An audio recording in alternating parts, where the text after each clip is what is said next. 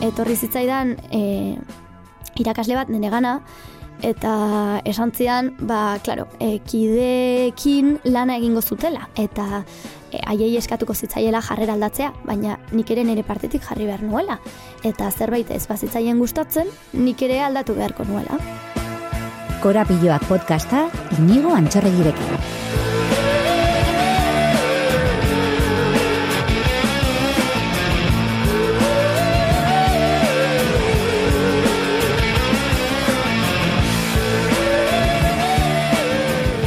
Lorein, txausti, ongitorri. Eskerrik asko. Arrara da zuretzat mikrofono baten aurrean jarri eta june ez izatea? Bueno, justo ETV podcasten daun beste podcasten bat ere egin dut, june ez izaten, baina nire bizitza hitz egiten, bai, pixka arrara, bai. Bai, ez da, ez da oso ikoa zuretzat, ez da? Ez pertsonai baten atzean normalen erosoago. Gaurko gaia ere ez da bat ere erreza, pertsona bezala hitz egiteko, baina bueno, eskertzen dizut, esfortzua eta denbora, ze gaurko gaia bulina da. Bai, bai, bai, bai. Bai, bueno, ez da errexea hitz egiteko da, baina uste dut onura handiagoa egin dezake dela, niri e, eragiten diten urdurat, urduritasun txiki hori baino. Así que, bueno, ba, mentxe. Zuk sufritu zenuen? Bai. Zenbat urterekin? Ba, amairu eta amala urte nituela. Ja hor nera bezaroan, justo DBH bi e, asita, lehenengo, lehenengo eskola egunen asita, ja hor urrengo bi urte osoak. Eta ze, ze gertatzen zen? Bueno, ba, gogoratzen dut, e, aurtzaro osoa eta DBH lehenengo maila e, oso pozik eta oso ondo pasatu nituela. Baina DBH bat bukatuta udara horretan kanpora jo nintzen, e, trukak eta bat egitera, eta bueno, ba, beste historio batzutan ibili nintzen, eta DBH biko lehenengo eskola eguna iritsi zanen, eskolera jo nintzen normal, baina gautzak ez zeuden normal de repente e, ni ikus ezina izango banintz bezala egiten zuten, e, jolasak ziran ni baztertze, baztertzea helburu zutenak, eta eta horrela, adibidez, hor e, lehenengo egunen edo lehenengo astean, ba, gogoratzen naiz, e, jolas bat zala, pinponean jolastu, mai ingurun bueltak e, ematen ibili, normalen bezala, baina jolasa zan, lorea ez da existitzen, lorea ikusezina da. Orduan, e, bazan, hor ez dago inorre, emai ez duzuk pelotari, eman zuk, ez dakize. Ta ni demora guzin hor korrika, enekin zer egin, eta bapaten, enun ulertzen zergatik, zergatik e, nila enintzan taldearen parte. Eta horrelako egoerak bi urtez? Hori da, hori da, bi urtez, bai, bai, bi urtez, e, ba hori, bazertzen, e, ba, e, ni nengoen taldetik botan induten, saiatu nintzen beste taldeetan sartzen, baina, bueno, ba, Euskal Herrin daun kuadrilismo horrekin eta bozkak eta egin behartzan, ia ni sartuko nintzen e, beste talde baten. Ai, ama. Eta bai, bai, e, onbartzan e, guztiek baiezkoa bozkatzea, guztiek ez zuten baiezkoa bozkatu, ordunen induten onartu beste taldean, hirugarren talde batean ere ez, ordun derrepende kurtxo osoan, berroita mar pertsona ginen, eta denek bapatean e, bizkarra ematen zidaten. E, bueno, batzuk erasotzaile zuzen modun eta beste batzuk testigo modun, baina baina gutxi zien, bazegon baten bate, baina gutxi zien hitz egiten ziatenak eta eta nerekin erdi normal e, tratatzen indutenak. Lehenengo egunean oski, ez zenuen ezer ulertuko, baina demagun adibidez, eh? E, bigarren astean, laugarrengoan, zu nola senditzen zinen? Ba, bakarrik, usteet inoiz zenuela ulertu eta gaur egun ere kostatzen zaidala ulertzea zergatik bapatean, zergatik ni, zergatik, zergatik bapatean e, naizen e, lagunak izateko merezidun. Edo, edo talde baten e, parte izateko e, mereziduen pertsona bat. E, gero ja ikusi nuen argita garbi baietz ba naizela, baina momentu horretan ba, pertsona horiek egiten ziaten pentsatzea ezetz. E, Egia da, ba, hori denborak aurrera egin ala, ba, familiari kontatu, nuen, e, kontatu nion, inguru, e, bueno, inguruan ez, familiari bakarrik kontatu nion, eta, eta pixkanaka jun nintzala, hitzak jarriz ere ulertzen, e, ba, gertatzen ari zena bulina zala, e, ba, ni nintzala baztertzen ari zirena, eta haien arazo, arazoei, ba, pixkat, e, kanporatzeko, e, era. Eta familiakoek nola hartu zuten?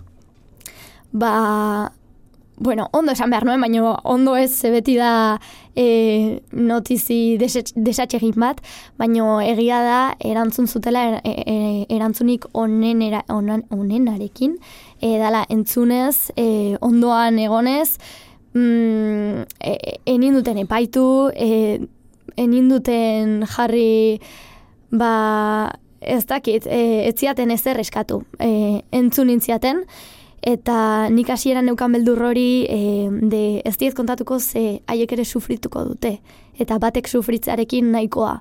Baina ez da egia sufrimendua banatu egiten da eta eta asko hobeto da. E, zuk daukazun hori kanporatzea. Askotan gainera sufrimendu hori partekatzea zaila egiten da, ze ez da bakarrik beste norbaiti sufriaraztea, bueno, em, ebitatu nahi duzula, batzuetan sufrimendua partekatu eta jasotzen den erantzuna izaten da, ba, baina horiek umeen kontuak dira. bai, bai. Bai oso ados. Oaindik E, Ustat zentzu askotan umeen emozioak eta umei gertatzen zaizkien gauzak ez direla e, ontzat hartzen. Garrantziak entzen zaie. Garrantziak entzen zaio guztiz ados, eta bulina ez da, ez da e, ezberdin e, tratatzen dan zerbait. Ze nik ninismoa deitzen nion, ze nik asko sufritu dut, nik daukadan adina, baino askoz txikiago, txikiago ematen dut, eta beti izan da horrela, nik amala urte nituenean, ama, amar urte nituela ematen zuen. Orduan, klaro, neri beti tratatu naute, ba, lau urte edo urte txikiagoa izango banintz bezala. Eta gaina ni beti izan naiz heldua. Orduan derrepente ikusten nun, jendeak umeak tratatza ditula tontoak izango balira bezala. Horrela da. Osea, jun, edo, edo zein lekuta eta, ai, bonita, ai, no seke, edo, zukitz egin eta eske, ez daukazu ahotsik. Edabidetan ere, ez zaio umei e, ahotsik ematen, eta umeek badaukate asko zer esan. Eta e, haien emozioak ere oso garantzitsuak dira, eta gertatzen zaien gatazkak, orduan, ez dira, son cosas de niños, ez, dia e, arazo larriak eta benetakoak eta mina egiten dutenak eta etorkizunean ere ondorioak dauzkatenak. Arazoari aurre egiteko irakaslei kontatu zenien, Bai. zer erantzun izan zuen. Ba, ba ona ez, egia esan. E, hasieran em, gurasoek kontatu zieten lehenengo uste dut, eta, bueno, hasieran esan zuten, aztertu ingo zutela ia egia, egia zen edo ez, beak eta bat egingo zutela, orduan em, egin zuten, eta ondorioztatu zuten, ba, ez zutela ez ikusten. Ze, klaro, eske bulinak, mm, pff, zer ikusiko dezu. Ze askotan, e, bulin fisikoa edo, bueno, espaldin badukazu e, ez bazaituzte jotzen, adibidez, ba, ez da ikusten. Eta etzan nire kasua. Orduan, e, zaila da ikustea, ba, biribil baten zaudenen inork ez zaitula hitz egiten, edo bizkarra ematen dizutela, edo kanpoan uste zaituztela, edo horrelako gauzak edo itxusiak, mezuak, ez dira ikusten. Orduan esan zuten, ba, ez zutela ezer ikusten. Handik ja e, hilabete batzutara uste dut gurasoek berriz insistitu zutela, eta ni gaixo neon egun batean esan zuten, bueno, bale, e, egingo dugu hemen interbentzio bat. Orduan e, klasera juntziran irakaslea eta orientatzailea, eta ba, ez dakit oso ondo zen neonan, baino, ba, bueno, esan zuten e, bulina egiten ari zitzaila pertsona bati, e, izen da bizenekin, eta hori gelditu behartzala, eta eta hori. Eta lehenengo astean, ba bai, asko zobeto, pixkat bakean utzi ninduten, baina bigarren astetik aurrera berdin jarraitu zuen. Ze ez, etzen jarraipenik egon, nik uste agian jarraipen batekin, ba igual zerbait aldatuko zala, baino, baino e, e, etzan konpondu. Eta horrekin batera, e, irakasle bat nire gana, eta esan zian, ba, klaro, e, kidekin lana egingo zutela, eta e, haiei eskatuko zitzaiela jarrera aldatzea, baina nik ere nire partetik jarri behar nuela. Eta zerbait ez bazitzaien gustatzen, nik ere aldatu beharko nuela. Zure izaeratik. Hori da, hori da, ze nire jarreran etze ezer, osea, e, nien nintzen inorekin sartzen, nik enuen inor jotzen, ez da horrelako ezer. Baina nire izaeraren gauza batzuk kritikatzen zituzten, ba, bulin kasu normal batean gertatzen den bezala. Orduan eskatu zidaten, ba, nik e, gauza horiek ere aldatu beharko nituela. Claro, imaginatu. ahultasun momentu baten. Zure autoestimoa e, gaizki dagoen momentu baten. Bakarrik sentitzen zen momentu baten, eskatzen dizute gaina zure izaera aldatzeko talde baten parte izateko. Osea da, pff, erokeria. Orduan, etxera jo nintzen, eta gurasoi kontatu nien hau, eta esan nien ez zitzaidala iruditzen, eta nik irakasle horrekin hitz egingo nuela, esan ez e, enuela hori onartuko, eta ez zitzaidala ondo iruditzen. Jo nintzen, e, e, irakasle horrekin hitz egin nuen, eta irakasle horrek barkamen askatu zian. Behintzat. Hori asko da, eh? Bai, baina egia da, e, claro, nik hau egin nuen, ni, ba hori, esan dudan bezala, beti nahiko e, heldua eta egoerak hausnartzeko izan naizelako, eta izan nuen e, kanpotik ikusteko e, indar hori, eta gainera gurasoak nituen ondoan, ja, e, bueno, ba, ba neukan egoeraren beste ikuspegi bat, baina e, beste egoera batean dagoen pertsona bati horri esat, hori esaten diozu, eta seguro nik dauzkadan baina zauri asko handiagoak izango zituela. Osea, gehiago ondoratzeko balioko luke. Baina, baina, euneko egun, bai, bai, bai. Babeslekuak, Hmm. segon dira, Bai, bai, bai. antzerkia. Bai, esan dudan bezala, familia alde batetik, eta gero antzerkia. E, nik hori bulina sufritzen ari nintzen bigarren urtea hasi zanen, ja, DBH iru e, asita, irailean, e, nire izeba etorri zitzaidan, eta esan zian, jo, Lorea, e, antzerki talde baten kastin bat iten nahi dia, Charlie eta Txokolate lantegia musikalaren zat, eta zuri, bueno, nire liburu gogokoena da. eta esan zian, zergatik etzea apuntatzen? Claro, nik momentu horretan pentsatzen nuen esate ziala, pff, euneko egun, ba, historia gustatzen zitzaidalako. Gero, orain ja jakin dut, ba, nire gurasak ere, ba, behar zituztela haien euskarriak, eta jende gehiagok zekiela nik uste baino e, eskolan gertatzen ari zela.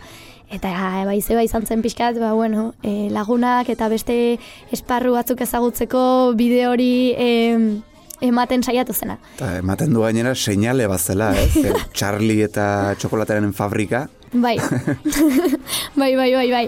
Beti izan da nire historio gogokoena, gogokoenetarikoa, eta klaro, ba, urte horretan izan nuen esperientzia eta gero, ba, beti izango dut bihotzean.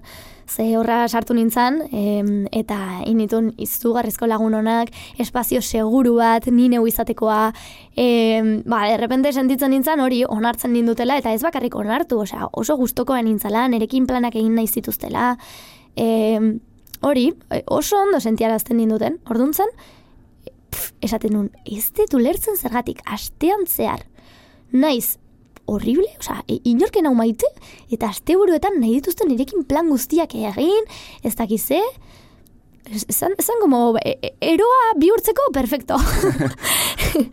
eta azkenen ja, esan nun, jo, ba, e, leku honetan horrela tratatzen banaute, zergatik eh, naiz eskola honetara aldatuko. Ze antzerki eskola horrek e, badauka eskola, eta eta jende gehiena eskola horretara juten da, eta nik e, inuen kuadrilla hori, bazan eskola horretako kuadrilla. Orduan eskola aldatu nintzen, eta osea, inoiz e, hartu deten erabakirik onenetarikoa. Egia da ere, e, e, ez dut esango eskertzen dia dela e, bullyinga intziatela, baina bai eskertzen dut asko nik hartutako erabakia eta eskola zaldatzea, ze oaintxe bertan, esatet, bua, horren beste hasi naiz, pertsonalki, gai sozialen ingurun daukadan ikuspegia ere e, horren beste aldatu da, errealitate pila bat ezagutu ditutan intxaurrondon salesianos e, eskolan, e, esatet, pff, eskerrak, ze baloreak ere askoz gehiago gustatzen zaizkit orain dauzkadanak eta dena eta noski antzerkia eta orain ere profesioa dena ere e, deskubritu nuen horri esker.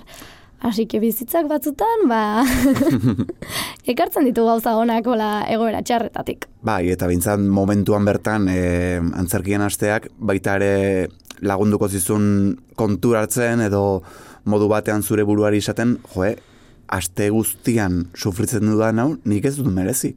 Ze batzutan badago tendentzia bat, ez? E, bulinaren biktima sinestera iristen da. E, pasatzen ari zaion guztia zerbaitengatik dela eta beraren errua dela Bai, inkluso batzutan. Bai, bai, argi eta garbi, osea, e, askotan gizarte modun ere jartzen dugu fokoa hor, eta errua biktimak daukala, eta biktimak, aske zerbait izango du hori sufritzeko. Ez? Zerbait gertatuko zaio, ba, Hmm. ja tendra algo, esaten dugu.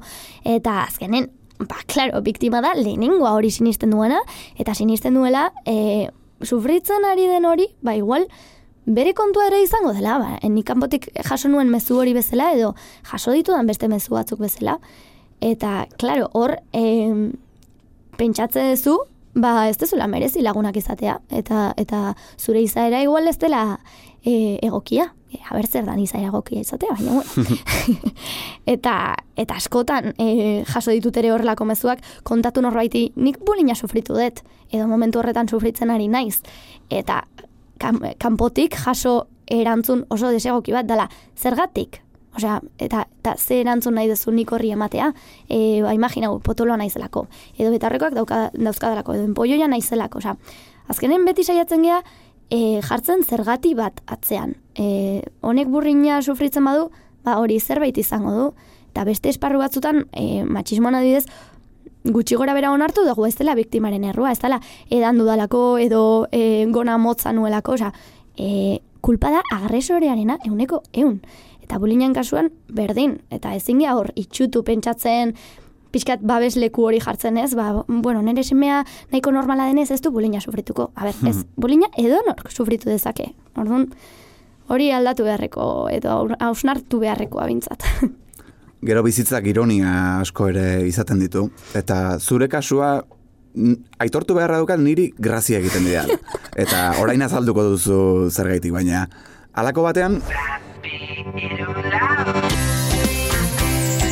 Goazenen hartzen zaituzte?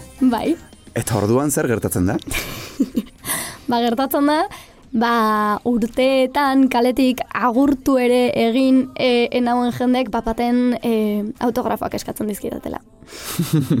eta papaten ere bizitza osoaren ingurun galdetzen diatela, eta Gaina, ez da tulertzen, eh? Ze esan ez, telebistako programa baten irteteagatik, uste zu ez dakit, jate bat erosiko dizu dela bapaten, ez da tulertzen zergatik agurtzen dauzun. Osea, yeah. o igual da beldurra, eh? Bapatean, ba, horrelako programa baten adibidez, ba, salatzera, edo ez dakit zergatik, baina bapatean, zure lagunak izan nahi dute. Eta, eta bai, ba, bizitzaren ironia, bizitzak buelta asko ematen ditula, eta, ba, asko aldatzen direla interesak eta botereak, eta... Eta hola xe. Esan duzu autografoak eskatu dizkizutela, hmm. baina barkamena eskatu dizu inorko? Ez, e, ez. Eta igual bai eskertuko nuke, egia esan. E, Lagunduko luke. Bai, bai, batez ere e, onartzeko, eta mai gainean bi aldetatik argi eta garbi jartzeko hori gertatu zela, eta hori etzala umen e, zerbait. Gertatu zana serioa zela, benetakoa zela, eta e, naiz eta bi urte bakarrik izan, eta naiz eta fisikoa ez izan, benetakoa zela, hori bulina dela, eta hori oso grabea dela.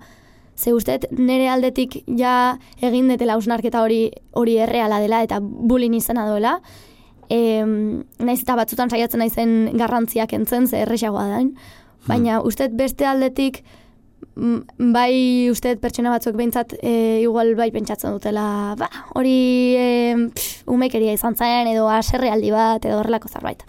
Bai, baina batzuetan ez dakit zure kasua den, eh? baina hmm. batzuetan barkamen baten falta horrek hmm. e, erresumina eragiten du, ez? Eta naiz eta urtea pasa ez doa er, sentimendu txarrori, e, garaio hoiekiko gorroto sentsazio batekin hmm. gelditzen zara, eta barkamenak laguntzen du behintzat pakeak egiten, ez?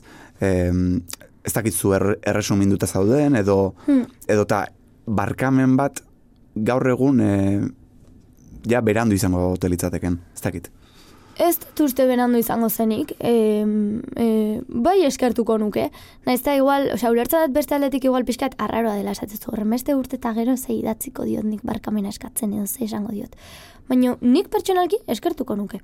E, eta ez igual, osea, bai uste dut e, erresim, erresumindua?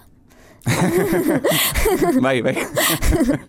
Horren arira, e, bai endet lanketa bat goazenen hartu aurratik inkluso, esan nun, agurtzen ditut kaletik. Ba, pixkat ustet nire e, haiek kaletik ikusteko beldur hori ekiditeko, edo ba, min edo aserrealdi hori pixkanaka e, gutxitzeko eta zauri hori izteko.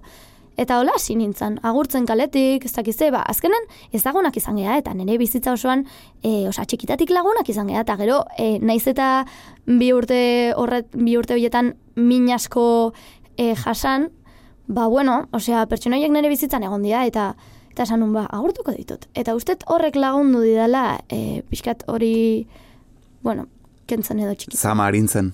Bai, bai, bai. Bai, eta buelta ematen ere, osa, esaten, zuken hau agurtuko, ba, nik agurtuko zaitut. Ze, ezagutze zaitut, eta zu badakizu ezagutzen duzula.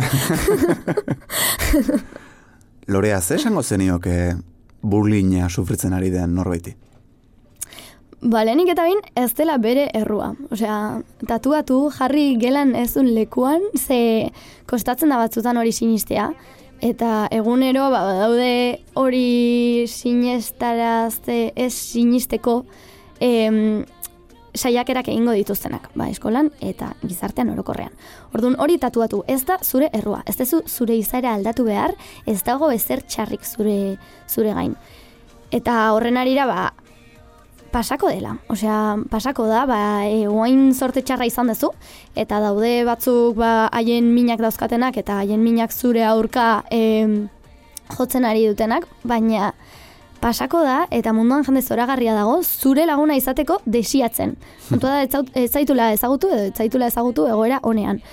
Baina, baina pasako da, eta egingo dituzu lagunak. Así que hori izango zen.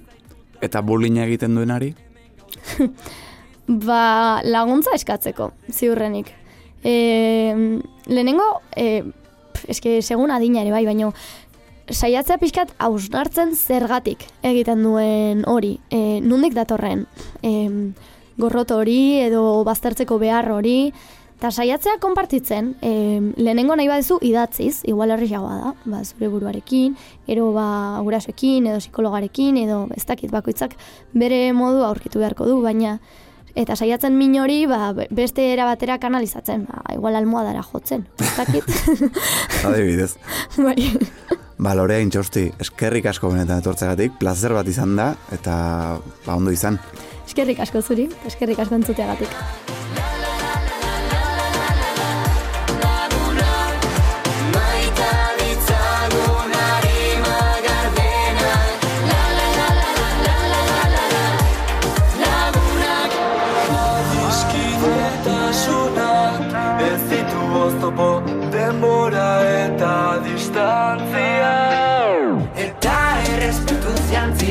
Are?